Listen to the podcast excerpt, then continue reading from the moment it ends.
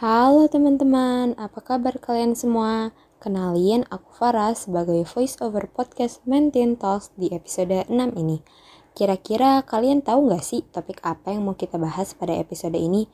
Aku kasih tahu ya, kali ini kita akan bahas tentang model United Nations atau MUN. Oh iya, di sini aku nggak sendirian loh. Aku ditemani sama Trixie dari English Club SMA Negeri 1 Depok.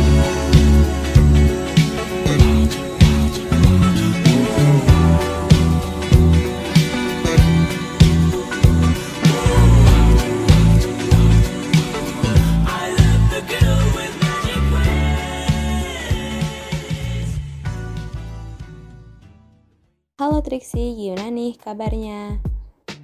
Halo Farah dan teman-teman semua, baik-baik nih. Kamu sendiri gimana kabarnya? Baik juga kok Trixie. Oke deh, biar nggak lama-lama, kita langsung masuk ke topik pembahasan aja kali ya.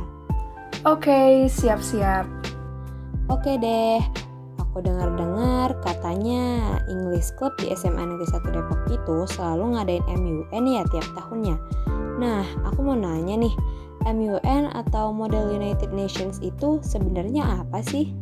Oke, jadi model United Nation itu sendiri adalah simulasi dari sidang PBB. Nanti kita berperan sebagai delegates dari suatu negara dan akan membahas isu sosial yang dihadapi dunia. Tentunya bareng perwakilan negara-negara lain juga. Gitu. Oh, berarti ada yang berperan jadi perwakilan dari negara lain juga gitu ya? Iya, bener banget. Nanti kita diskusi bareng sama perwakilan negara lain juga. Oke, oke. Kalau tujuan dari MUN itu sendiri untuk apa ya Trixie? Jadi, tujuan MUN dibentuk adalah untuk memberikan pengetahuan tentang tata kerja PBB. Jadi, bagaimana PBB dapat mengambil keputusan, berkompromi, dan lain-lain. Tentunya dilakukan dengan negara lain juga. Fungsinya untuk menyelesaikan masalah yang dihadapi negara. Wah, kayaknya seru banget tuh. Kira-kira prosedur atau tata caranya tuh gimana ya? Sebenarnya cukup panjang ya acaranya, jadi aku cerita singkatnya aja. Di awal, masing-masing perwakilan negara atau delegates menyusun position paper yang isinya posisi negara kita terhadap topik itu. Setelah itu, kita diskusi dan menyusun paper lagi dengan delegates lain. Paper ini disebut draft resolution dan working paper. Di dalam MUN nanti kita juga akan belajar negotiation, debate, and speech. Jadi sebenarnya mungkin buat first timer akan bingung ya sama banyak istilah di MUN ini. Tapi tenang aja, sebelum MUN biasanya kita ada MUN 101 yang akan diajar langsung sama pelatih yang udah berpengalaman pastinya.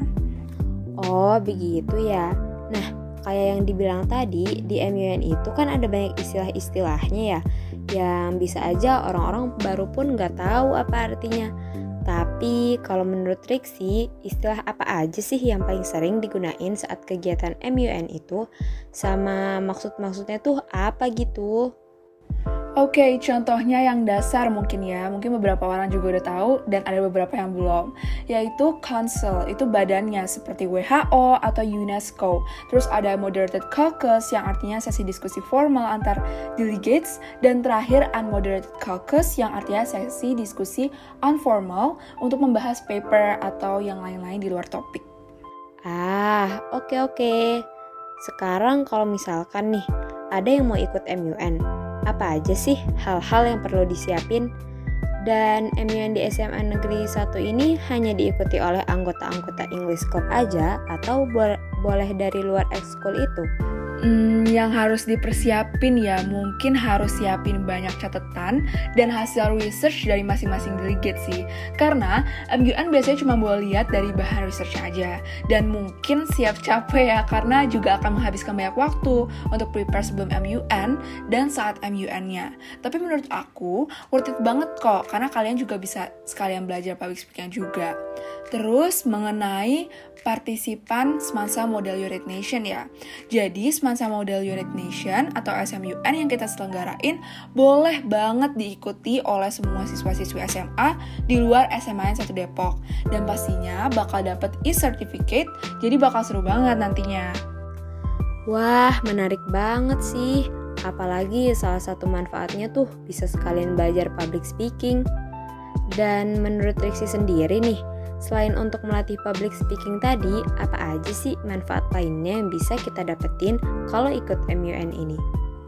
Iya, banyak banget dong manfaatnya. Oke, yang pasti kemampuan bahasa Inggris kalian bertambah dong ya. Karena di MUN ini semuanya full English. Tapi ingat juga nih, yang ikut MUN bukan yang harus udah jago bahasa Inggris aja. Yang baru mulai belajar juga cocok banget ikut MUN. Nah, buat benefit lainnya mungkin udah aku sebutin tadi ya, seperti negotiation skill, debating skill, dan masih banyak lagi. Wih, keren! Bener-bener banyak manfaat yang bisa dapetin dari ikut MUN ini. Oh iya, Triksi ini kan pernah ikut MUN juga ya. Boleh nggak kasih tahu ke kita-kita apa aja rintangan atau hal yang paling menantang pas ikut MUN waktu itu? Iya iya bener-bener Mungkin rintangannya pas waktu itu aku kurang prepare bahan untuk researchnya aja kali ya. Jadi agak kewalahan sih. Terus juga sama di MUN itu kan cepet ya alurnya. Jadi kita harus bisa ikutin juga nih.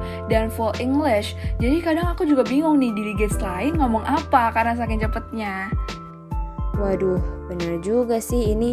Berarti emang harus bener-bener banyak disiapin ya catatan sama hasil researchnya Oh iya, aku mau tanya nih, kira-kira jurusan kuliah apa sih yang ada sangkut paut atau hubungannya sama MUN ini? Maksudnya tuh rekomendasi jurusannya apa aja gitu?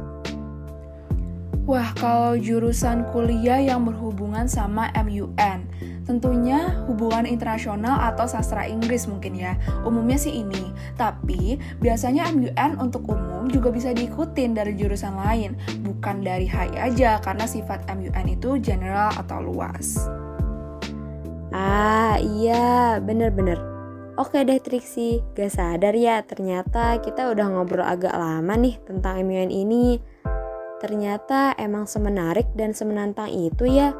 Tapi yang utama tuh harus beraniin diri sih kalau mau ikut MUN ini karena kan di sana kita ada diskusi-diskusi ya yang di mana perlu ada rasa percaya diri untuk menyampaikan pendapat-pendapat kita.